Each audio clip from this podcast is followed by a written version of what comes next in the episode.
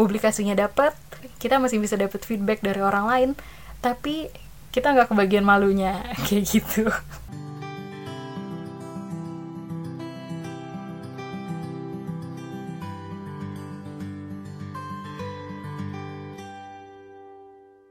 Alhamdulillah banget terbangin akhirnya bisa memenuhi janji buat bikin podcast.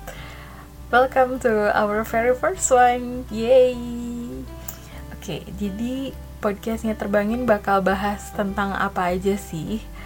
Uh, kita bakal bahas tentang seluk beluk dunia syiar media, kayak misalnya desain, fotografi, branding, terus strategi dakwah kreatif yang kece dan problem solving itu kayak gimana gitu. Hal-hal um, teknis kayak gitu yang bisa kalian praktekin nah selain hal teknis kita juga bakal bahas tentang aspek kebatinan. Ah aspek kebatinan. Ya kayak semacam motivasi atau gimana caranya biar nggak kabur maktan atau tips mengatasi ria dan lain-lain. Hal-hal kayak gitu. Nah, di podcast pertama ini kita bakal bahas tentang minder secara lebih mendalam. Waktu itu kan kita pernah bahas soal minder di storynya terbangin ya. Nah, pertanyaannya waktu itu um, apa sih pengalaman minder terburuk kalian. Nah, dan gimana cara bangkitnya? Tapi rata-rata jawabannya isinya curhat doang. Nggak ada cerita gimana cara bangkitnya itu. Nah, di podcast kali ini kita bakal melengkapi uh, dengan itunya juga, gimana cara bangkitnya juga. Oke, okay, kalau dilihat dari jawaban story yang waktu itu, penyebab mindernya para aktivis dakwah kreatif ini rata-rata nggak rata-rata sih ada yang jawab mindernya karena ditugasi di belakang layar uh, ada juga yang oh banyak nih. Banyak banget yang jawab minder karena desainnya tiba-tiba diganti sama atasannya atau sama orang yang lebih jago. Ada juga yang cerita minder karena dia dikomentarin sarkas di grup. Ah ada juga yang mindernya karena gak ada yang komen sama sekali. Nah tapi uh, kayak gimana pun cerita minder kalian intinya minder itu sama. Minder itu kan kalian berarti merasa diri kalian rendah. Nah yang namanya rendah rendah itu adalah sebuah posisi yang relatif ngerti nggak? Relatif itu maksudnya kalau ada rendah berarti ada yang tinggi kayak gitu. Nah berarti ketika kalian minder kita tuh memandang bahwa posisi kita hari ini tuh relatif terkait related sama kondisi orang lain. Kayak gitu.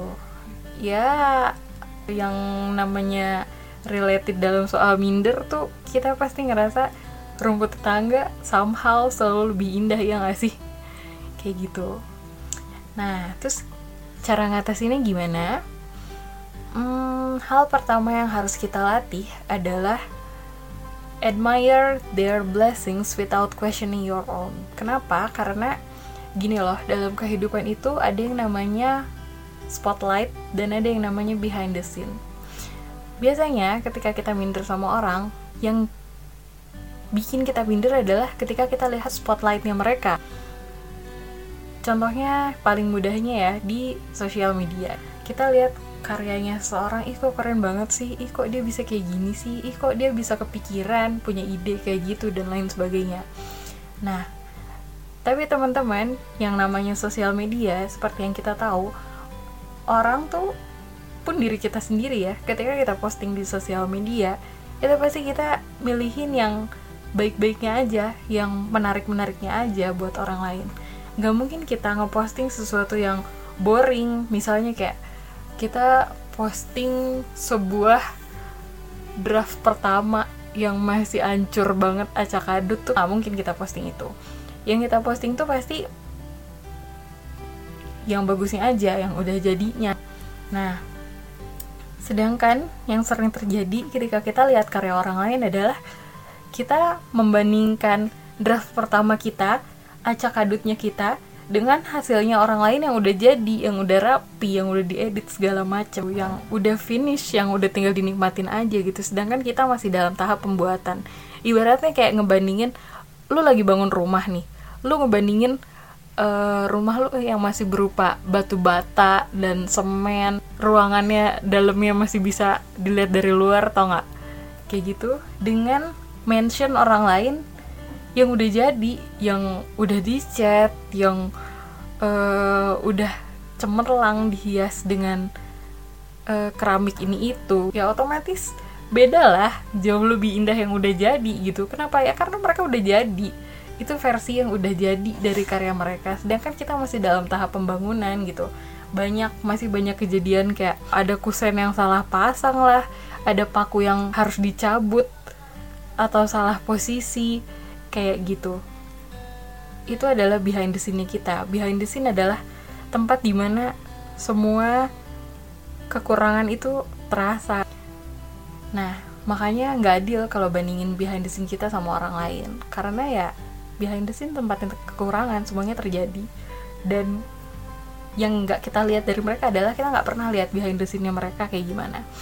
Gimana susahnya ketika mereka cari ide gimana ketika mereka art block misalnya. Makanya fokus aja sama apa yang kita punya dan syukuri. Ketika kita melihat orang lain yang mungkin kita rasa dia kok keren banget dia super banget dia ini dia itu just admire their blessings without questioning your own.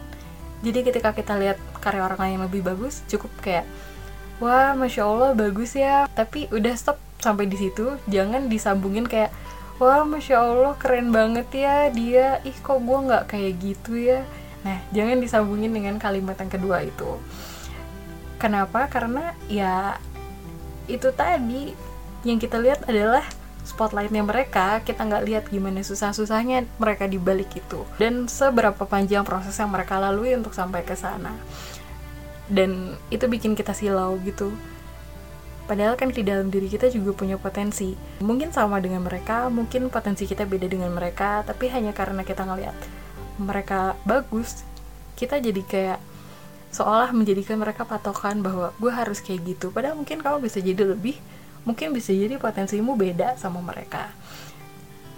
Uh, dan di dunia ini nggak cuma mereka yang disayang sama Allah, kamu juga gitu, yang dikasih potensi, yang dikasih bakat, yang dikasih kemampuan untuk menghasilkan sebuah karya keren bukan cuma mereka kamu juga. Jangan sampai uh, kesilauan kita akan karya orang lain bikin kita nggak bisa lihat besarnya kasih sayang Allah yang Allah kasih di dalam diri kita. Kayak gitu. Nah tips yang kedua. Hal yang harus diingat supaya kita nggak minder adalah ingatlah bahwa surga itu luas. Luas like real luas banget. Surga itu lebih luas daripada langit dan bumi. Coba hitung deh. Di dunia ini dari zamannya Nabi Adam alaihi salam sampai nanti manusia yang hidup terakhir yang lahir paling akhir. Nah mungkin ya anggaplah mungkin jumlahnya 2 triliun. Anggaplah jumlahnya segitu ya. Nah dan ternyata kata Allah nih di Quran setiap orang itu udah punya rumahnya masing-masing. Buat si A, si B, si C. Tapi memang gak semua orang bisa mengambil rumahnya itu. Dari penjelasan yang tadi itu berarti kita bisa nangkap kesimpulan bahwa saking gedenya surga setiap orang tuh udah punya space gitu loh di surga. Nggak limited kayak SBMPTN guys gitu artinya apa? Artinya ya sebagai manusia kita nggak perlu saling menjatuhkan buat ke sana gitu. Karena kalau SBMPTN itu kan misalnya nih kuota SBMPTN 100 yang daftar hmm, 500 misalnya. Otomatis si 500 orang ini harus saling sikut menyikut dan saling menjatuhkan dong supaya bisa masuk ke 100 kuota SBMPTN ini gitu. Tapi kalau surga tuh enggak. Setiap orang tuh udah punya jalurnya masing-masing. Setiap orang tuh udah punya space di surga dan kita nggak perlu menyingkirkan orang lain untuk mendapatkan space buat diri kita sendiri. Nah jadi kita nggak pernah perlu yang namanya gue harus ngalahin si A gue harus ngalahin si B. Nah dan kerennya lagi dari prinsip Islam justru ketika kita pengen masuk surga nih ketika kita pengen jadi pemenang itu yang harus kita lakukan adalah lift each other up kayak misalnya gini ketika kita punya ilmu nih uh, kita kan masuk surga tuh banyak-banyakan pahala ya. Justru pahala kita tuh bakal semakin banyak ketika ilmu kita dibagi bukan ketika ilmu kita dikip sama kita sendiri. Padahal kan kalau ujian misalnya kita kalau pengen jadi yang ranking satu itu kita kayak ngekip ilmu kita aja biar kita doang yang pintar yang lain gak usah ada yang lulus ujian. Nah tapi ketika kita ingin masuk surga justru uh, semakin kita pelit itu semakin kecil kemungkinan kita buat masuk surga. Tapi semakin kita nge-share ilmu justru malah semakin besar kemungkinan kita buat masuk ke sana. Nah itulah kerennya dari prinsip Islam adalah ketika kita mau masuk surga kita bisa melakukan itu bersama-sama. Gak usah mengalahkan satu sama lain. Kita cukup mengalahkan hawa nafsu kita sendiri aja jadi sebenarnya yang namanya sirik-sirikan itu nggak perlu. Nah yang ketiga ingatlah bahwa alay adalah bagian dari pencarian jati diri. Semua orang yang jago itu pernah cupu. Cuman waktu cupu mereka belum terkenal aja. Pun karya pertama founder-founder terbangin pun jelek. Contohnya karyaku. Karya pertamaku itu aku pernah bikin semacam pamflet gitu. Um, fontnya sih cuman satu doang ya dari awal sampai akhir. Cuman aku tuh bahkan nggak tahu gimana caranya ngerapiin paragraf gimana caranya rata kiri rata kanan. Itu tuh aku nggak tahu justify aku nggak tahu. Jadi dalam satu halaman paragraf satu dua tiga itu tuh mencong-mencong. Jadi garis pinggir paragrafnya itu bentuknya kayak ular gitu keriting. Saking berantakannya bikinan aku waktu itu. Karya pertamanya Teko On. Aku pernah lihat mograf pertamanya Teko On. Itu tuh bener-bener yang gerakannya kaku musiknya nggak pas terus uh, warnanya juga nggak jelas. Karya pertamanya Teh Dian itu bentuknya spanduk waktu Teh Dian masih SMA aku juga pernah lihat karyanya yang itu. Itu tuh dalam satu spanduk kayak fontnya tuh banyak banget. Ada 5 atau 6 terus fontnya yang dipakai itu buk kan font yang download yang bagus gitu tapi font font default kayak Comic Sans Papyrus yang kayak gitu-gitu. Wah parah banget ya luar biasa. Terus backgroundnya tuh gradasi gitu doang. Gambarnya yang gambar kotakan yang download di Google gitu tau gak lo akbar luar biasa. Mereka pun hari ini ketika melihat karya pertama mereka mereka pasti ketawa-ketawa terus bilang ih jijik ya. Sampai teh Dian bilang aduh buset gue pusing lihat bikinan gue sendiri. Iya dan memang semua orang pasti melewati titik alay dulu sebelum jadi jago. Alhamdulillahnya semua orang ketika alay itu mereka alay saat belum menjadi apa-apa gitu. Saat kita sudah menjadi apa-apa kita udah nggak bakal alay lagi. Nah masalahnya nih ya guys. Kita tuh suka nggak sabar pengen sekali kick langsung keren gitu. Padahal nggak kayak gitu. Ada proses dan pembiasaan-pembiasaan yang harus kita jalani dulu gitu untuk menuju keren. Hmm, kadang ini sering kalau buat aku pribadi ya ini tuh sering terjadi ketika aku nyobain teknik gambar baru style desain baru misalnya atau tools baru. Atau aku biasa gambar pakai pensil terus aku pengen nyobain ngewarnain pakai watercolor misalnya. Nah ketika nyobain pakai watercolor itu kayak pasti ada perasaan kayak ah gue pengen keren nih gue pengen keren biar puas gitu hasilnya. Tapi padahal ya untuk menjadi keren dalam watercolor itu kita butuh terbiasa dengan watercolornya itu dulu. Dan kan kalau kita nggak terbiasa ya mana bisa keren?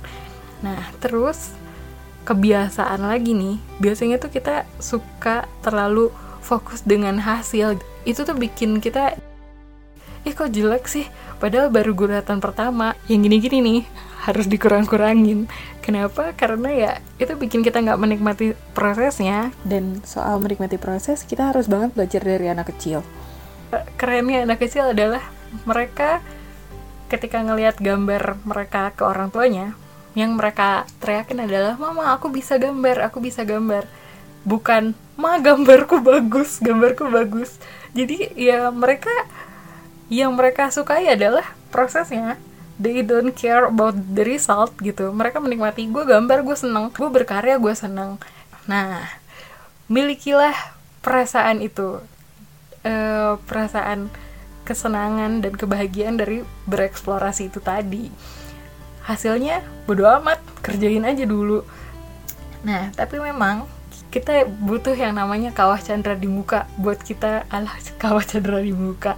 Ya tempat berlatih buat kita karena kalau misalnya nggak dilatih ya nggak bakal keasah-asah skillnya. Tips nih buat kalian yang pengen mengasah diri kalian di bidang desain atau gambar atau fotografi, videografi, etc. Kalau kalian masih maba, cobalah berkarya di LDF kalian. LDF adalah terlebih kalau kalian maba ya itu adalah waktu yang sangat tepat untuk berkarya dengan sotoy. Kayak misalnya nih ada proker apa cobalah bikin publikasi yang sebombastis yang kalian bisa. Kayak misalnya coba dong bikin publikasi ini. Ketika kalian disuruh bikin desain misalnya poster cobalah kalian bikin dengan infografis misalnya atau kalian tiba-tiba bikin video atau kalian tiba-tiba bikin apa do more than expected gitu. Nah di situ ketika kita melakukan lebih dari yang diekspektasikan oleh si proker kita bakal apa ya muncul rasa tertantang gitu di dalam diri kita sendiri. Wah gila. Kayaknya kalau ini kayak gini nih. Kayaknya kalau ini kayak gini. Terus kayak uh, kita berusaha buat memberikan yang terkeren dan terbaik. Hasilnya kayak gimana? Bodo amat. Kita bakal lebih termotivasi dengan rasa excited itu tadi, rasa ingin mengeksplor itu tadi. Dan lagi nih, LDF itu kan isinya rata-rata mas mbak. Lembut yang tidak akan tega mencela ya. Sing penting inisiatif tuh kalian pasti dihargai. Nah, ketika kalian melakukan lebih dari yang diekspektasikan itu, itu kan artinya kalian inisiatif luar biasa ya. Kalian pasti dihargai, insya Allah nggak bakal ada yang mencela kalian ya. Jadi itu adalah tempat yang sangat tepat buat kita mencoba mengeksplorasi skill kita. Nah, kalau misalnya sudah mahasiswa tua, udah bukan maba misalnya, atau udah lulus misalnya, masa-masa percobaan organisasi itu sudah terlewat, kita bisa membuat kawah chandra di muka kita sendiri, misalnya dengan bikin fake account di medsos, di IG misalnya atau di YouTube. Nah, terus kalian ngarya lah di situ sepuas-puasnya, se-explore-explore-nya. Kenapa pakai fake account? Ya supaya itu tadi supaya kita bisa bereksplorasi tapi menghilangkan malunya gitu. Publikasinya dapat kita masih bisa dapat feedback dari orang lain tapi kita nggak kebagian malunya kayak gitu itu triknya pakai fake account nah dari tiga tips minder nah nah dari tiga tips menanggulangi minder yang kita bahas tadi intinya adalah jangan pernah bandingin diri sendiri sama orang lain. Kenapa? Karena itu bid'ah, guys. Ingat kan hadis yang hari ini harus lebih baik daripada kemarin? Itu artinya hal-hal yang harus dibandingin adalah ya kinerja kita hari ini dengan kemarin, bukan kinerja kita dengan kinerja orang lain.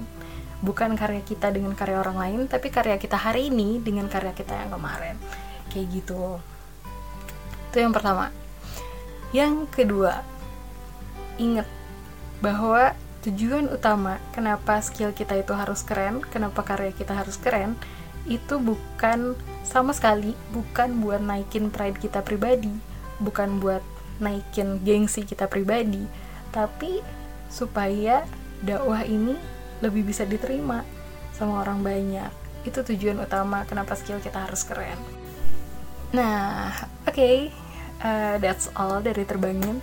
Makasih banyak banget buat yang udah mau dengerin podcast pertama kita. Buat teman-teman yang ada request mungkin pengen bahas tentang apa mungkin pengen bahas tentang kak aku pengen bahas tentang branding dong pengen bahas tentang ini pengen bahas tentang itu boleh banget DM kita langsung di at di IG at terbangin. Atau mungkin kalau kalian request uh, teh pengen ada bintang tamu ini dong teh bikin podcast sama si ini dong boleh banget silakan keluarkan ide terbaik dan tergila kalian mungkin siapa tahu kita bisa memenuhi request-request kalian semoga bermanfaat boleh banget di share ke orang lain supaya jadi pahala jeriah buat kita semua Oke, okay, terakhir selamat berkarya, selamat menyebarkan agama Allah dengan cara terkeren yang kalian bisa. Terbangin pamit. Assalamualaikum warahmatullahi wabarakatuh.